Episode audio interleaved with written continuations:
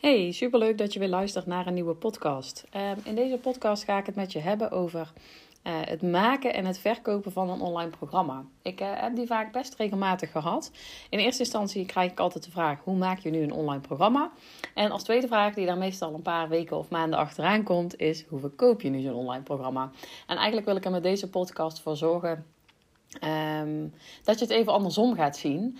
Uh, en dat je dus. Um, weet hoe je hem gaat verkopen voordat je hem helemaal gaat maken. Was ook wel mijn grootste valkuil. Ik heb in eerste instantie, nou, ik heb het een beetje half-half gedaan, denk ik. Ik wist wel een beetje wat de bedoeling was, maar ik liep toch iets te hard van stapel. Dus ik heb, uh, denk ik, in een maand tijd een online programma uit, uh, uit de grond gestampt. En uh, ik had toen eigenlijk nog niet voldoende mensen die dat programma wilden gaan kopen. Dus mijn pilotronde liep een beetje stroef. De mensen die meededen met de pilot, die waren er eigenlijk nog niet helemaal klaar voor. Dus die bleven een beetje hangen. Daar kreeg ik reacties van ja, het is wel allemaal veel. En ik, ben, ik heb er eigenlijk nog geen tijd voor. En nou, wat er toen eigenlijk gebeurde is dat ik een online programma op de markt had. Je wilt eigenlijk graag altijd eerst een pilot draaien om uh, ervoor te zorgen dat je ook echt weet of het programma aansluit. Dat je er nog kleine foutjes uit kunt halen. Dat je feedback krijgt en reviews, waardoor je en je programma nog kunt optimaliseren en het daarna ook beter kunt verkopen, omdat een aantal mensen al je programma doorlopen hebben. En waar het bij mij misging, was dat eigenlijk die hele eerste pilotronde, uh, dat het super lang duurde voor die door mijn programma heen waren. Uh, ja, heen kwamen, zeg maar, voordat ze echt het hele programma doorlopen hadden. Daarnaast um, was mijn doelgroep er misschien nog niet helemaal klaar voor, dus, dus duurde het ook lang en was het misschien ook gewoon te veel informatie in één keer. Dus had ik het achteraf gezien beter op kunnen delen in, uh, in kleinere programma's. Dus ik wil eigenlijk jou die veelgemaakte fout um, ja, gaan vertellen, zodat je die kunt voorkomen. Uh, waar namelijk alles start bij het maken van een online programma is natuurlijk met een idee. Maar dat je ook gaat kijken of jouw idee echt aansluit bij jouw doelgroep. En daarvoor raad ik je dus echt aan om altijd doelgroeponderzoek te doen voordat je start met het maken van een online programma. Als je bijvoorbeeld al veel één op één hebt gewerkt, dan heb je waarschijnlijk jouw doelgroep best wel helder. Dan weet je best goed wie jouw ideale klant is en wat die nodig heeft. En toch kan het zo zijn dat bij een online programma je net een andere doelgroep te pakken hebt. Er zijn mensen die heel veel behoefte hebben aan één op één contact, maar er zijn ook heel veel mensen die graag zelf leren. Dus die uh, in hun eigen tijd willen uh, leren, die zelf daarmee aan de slag willen.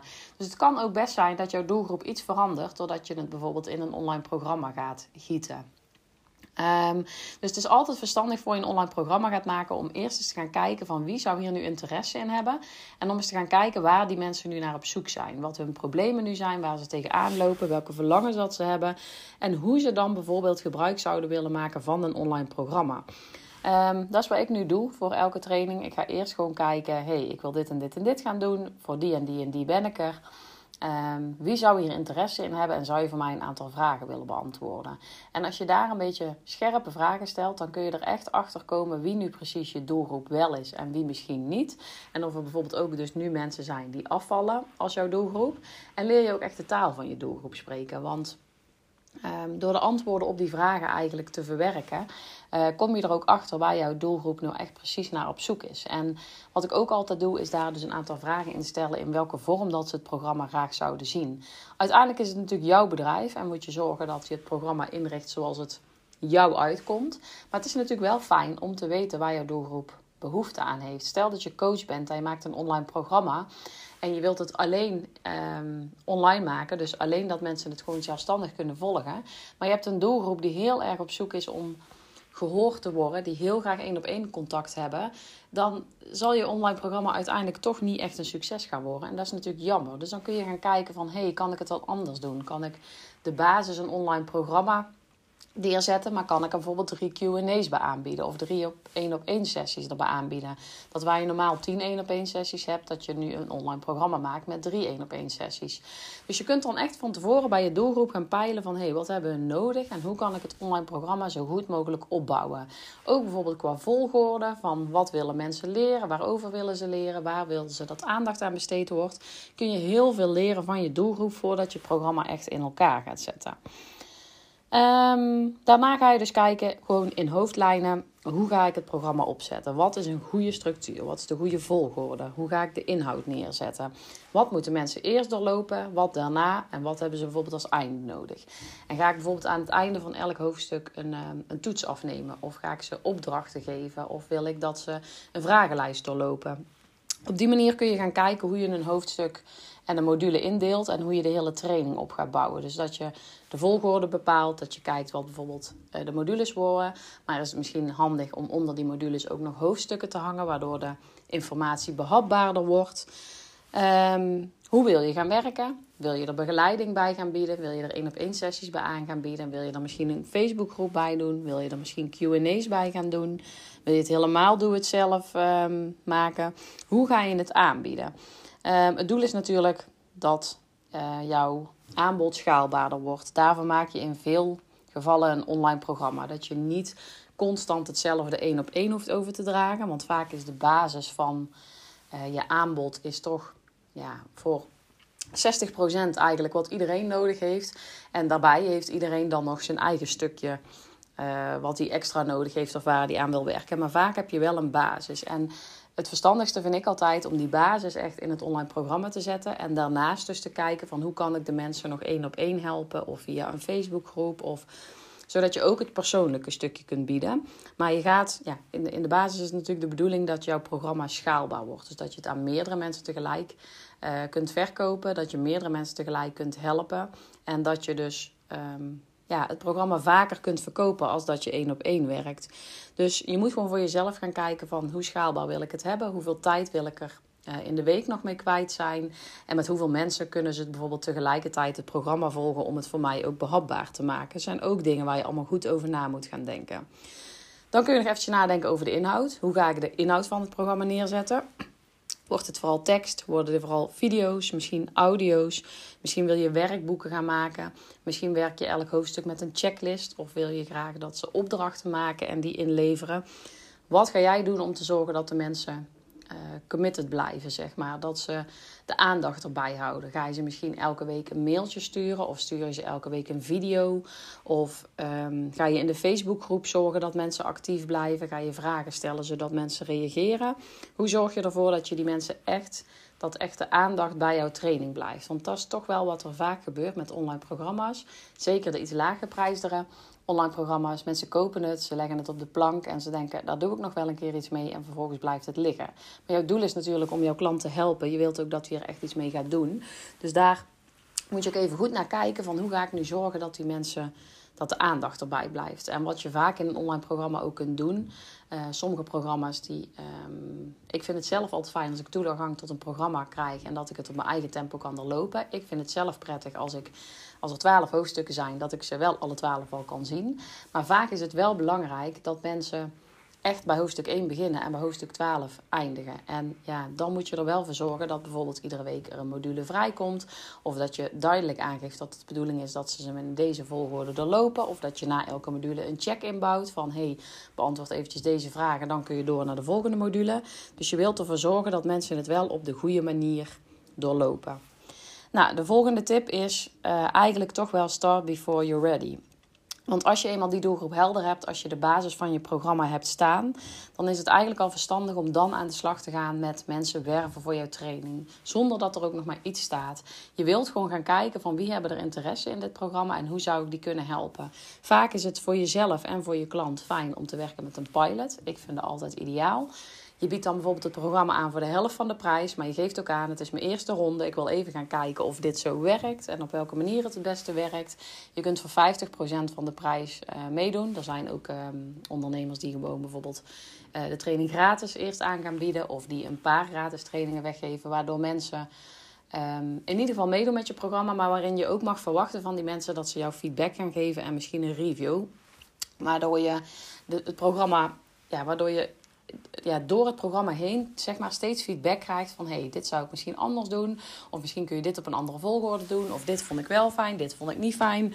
Uh, voor mij mag er meer begeleiding bij. Um, uh, wat mij betreft niet. Dat je gewoon tijdens het programma ook gewoon die feedback krijgt. Want mensen kunnen van tevoren wel aangeven natuurlijk wat ze van een programma verwachten. Maar misschien heb jij een drie maanden programma in gedachten. En kom je er na twee maanden achter dat het gewoon totaal niet haalbaar is voor jouw ideale klant om binnen twee maanden dit programma af te ronden. En dan is het gewoon fijn als je een pilot gestart bent. Als de mensen bijvoorbeeld maar de helft betaald hebben en jij kunt zeggen: Weet je, we verlengen het nog met een maand. We gaan kijken hoe we het aan kunnen passen. En vervolgens gaan we verder met het programma. Um, voor jouw eerste deelnemers is het ook fijn, omdat die gewoon weten van... hé, hey, ik kan het nu tegen een lage prijs kopen. Je hebt je eerste deelnemers en die eerste deelnemers zijn heel belangrijk. Voor jouw feedback, om jouw programma beter te maken... maar ook om je eerste reviews te verzamelen. Want het werkt veel beter om uiteindelijk een programma te gaan verkopen... waar je al reviews voor hebt, als dat je die nog helemaal geen hebt. Dus wat je gaat doen, is je basis van je programma neerzetten... en dan kijken of je het kunt verkopen. En wat ik net al zei met die content dripping... Uh, dat je elke week een module vrij laat komen. Dan kun je mensen gaan verzamelen. En je zegt: heb je interesse? Als er mensen zijn die mee willen gaan doen, dan kun je zeggen: Nou, we starten over een maand of we starten over zes weken. En dat je bijvoorbeeld in die zes weken de eerste twee of de eerste modules, de eerste drie modules klaar gaat zetten. Dus dat je gaat zorgen dat die in je leeromgeving klaarstaan. En wat je daarna kunt gaan doen, is eigenlijk gewoon langzaamaan vooruit werken. Je hoeft niet het hele programma al te hebben staan voordat je gaat verkopen. Want stel nou dat jij de eerste twaalf modules maakt, uh, dat je drie, vier maanden lang bezig bent met die training. Dan nog mensen moet gaan zoeken die misschien interesse hebben in je training. Dat die uiteindelijk na een paar maanden starten. En dat die na module 3 zeggen: Jeetje, uh, het is wel heel erg veel. Ik weet niet goed of ik het op deze manier wel uh, wil gaan doen. Dat is natuurlijk super jammer. Dan is het veel fijner om tijdens het maken van je programma al te kunnen schakelen. Dat je zegt: hé, hey, misschien kan ik iets anders doen met die modules. Misschien kunnen we een aantal modules omwisselen. Misschien kunnen we beter op dit moment module die ik als module 8 had gepland, beter toch als module 4 in gaan zetten. Kun je tijdens je programma gaan schakelen en gaan kijken van hé, hey, um, wat kan er beter en hoe kan ik dit anders gaan doen? Dus ik raad je wel echt aan om het op die manier te doen. Mijn eerste training en vooral mijn doe-het-zelf training heb ik gewoon allemaal in één keer gemaakt. Maar dat zijn wel echt mini-trainingen. Kleine praktische trainingen waar mensen gewoon zelf mee aan de slag kunnen. Als je echt met een groter programma gaat werken, zou ik echt zeggen Eerst mensen gaan werven, zorgen dat je mensen hebt voor die pilot. Dan de eerste paar modules gaan maken. En dan gewoon tijdens het programma, als het programma loopt, één voor één die modules uh, vooruit gaan werken. Um, ja, aan het einde dus reviews vragen. Want het is gewoon super fijn om die te kunnen gebruiken om daarna echt je training echt te gaan verkopen. Um, een online um, een pilot, die hoeft ook helemaal nog niet per se in een online leeromgeving te staan. Als je zegt, nou ik zie nog best op tegen het technische stuk. Hoe ga ik heel die leeromgeving bouwen? Een pilotronde mag ook prima gewoon via werkboeken die je via de mail verstuurt. Hè, of video's die je via de mail verstuurt. Daar kun je gewoon een simpele Facebookgroep aanmaken. Je hoeft echt nog niet per se meteen heel groot uit te gaan pakken. Je kunt beveiligde websites op gewoon je... Uh, beveiligde websitepagina's op je website maken. Er zijn een heleboel manieren waarop je gewoon simpel een pilot kunt dragen, zodat je voor jezelf de druk omlaag haalt en dat je niet meteen heel groots uit hoeft te gaan pakken en ja, daar heel veel tijd aan hoeft te besteden. Die online leeromgeving die komt wel als je je programma uiteindelijk echt uh, wilt gaan lanceren. Nou, voor zo'n promotie, um, tijdens die pilot blijf, je eigenlijk gewoon praten over je programma. Dus je bent je pilot aan het draaien en je gaat eigenlijk tijdens die pilot al heel veel delen over jouw online programma's. Wat mensen aan het leren zijn, bij welke module je bent, wat er allemaal aan bod komt. Uh, over hoeveel tijd dat de, de, training echt gaat starten, wat de mensen allemaal leren. En je maakt bijvoorbeeld al een wachtlijst aan. Dus tijdens die pilotronde heb je het constant eigenlijk gewoon over je online programma. En denk niet vaak dat het te veel is. Je bent echt niet gauw te veel. Je noemt echt niet gauw te vaak je aanbod. Probeer het daar echt wekelijks bijvoorbeeld op je social media over te hebben, zodat mensen echt weten wat er speelt en dat het programma er is.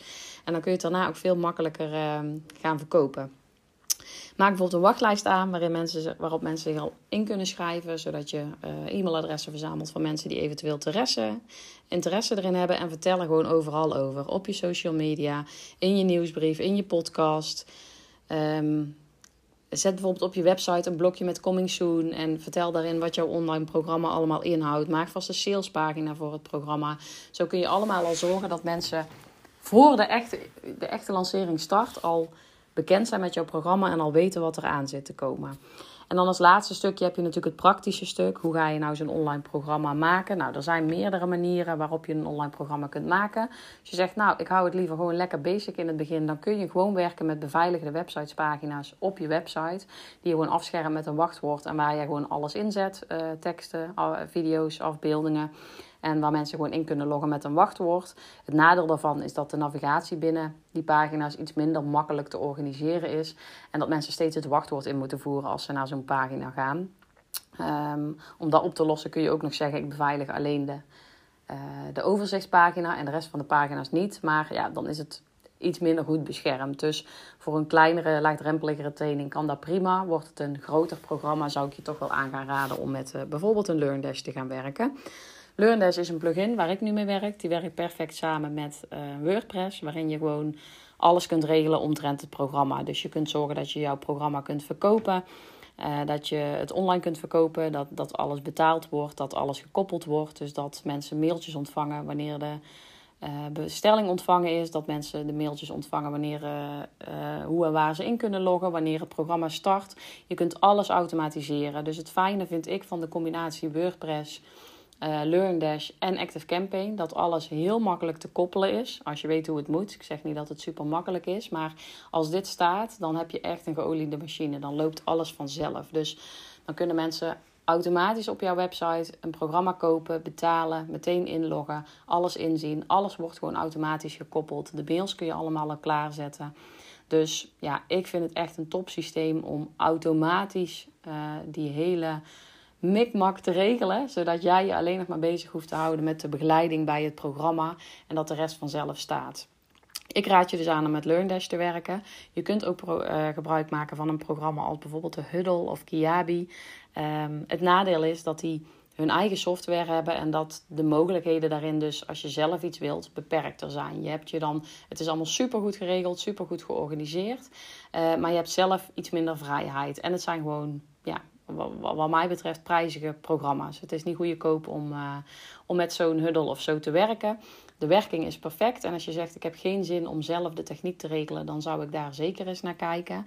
Maar als je zegt, um, ik wil wel zelf nog dingen in de hand hebben, ik wil mijn e-mailmarketing systeem koppelen, ik wil zelf die betalingen uh, bij kunnen houden, dan zou ik zeggen, werk met LearnDash. En daar is eventjes alles installeren, maar als daar staat, werkt het perfect. En uh, heb je ook zelf gewoon nog die vrijheid om daar dingen in aan te passen, om dingen te veranderen. En heb je gewoon meer, uh, wat dat betreft, meer mogelijkheden. Um, ja, zoals ik al zei, ik werk ook met WooCommerce en Molly. Uh, fijne combinatie ook met LearnDash. Je kunt vanaf je academy en vanaf je website die programma's verkopen. Meteen koppelen aan een training. Dus alles verloopt automatisch. En ik vind het heel erg fijn om een e-mail marketing systeem te koppelen. Ik verkoop daarmee mijn programma's. Maar ik zorg ook dat die programma's automatisch doorlopen. Doordat mensen elke week de juiste informatie krijgen. Dat ze de bevestigingen krijgen. Dat ze de inloggegevens krijgen. Dus ik vind die drie bij elkaar is echt top om je ja, bedrijf gewoon veel meer te automatiseren en om veel meer vrijheid te hebben. Waardoor je echt tijd kunt besteden aan de inhoud van je programma en aan de begeleiding bij je programma. Nou ja, de promotie van het hele gebeuren kun je echt op je eigen manier gaan doen. Maar heb je bijvoorbeeld al een mailinglijst, social media of heb je al een netwerk, zorg dan dat je daar je promoties gaat draaien. Dat je op alle kanalen die je hebt uh, laat horen van je programma. En je kunt natuurlijk ook nadenken over. Uh, uh, het inzetten van advertenties, Facebook en Instagram advertenties.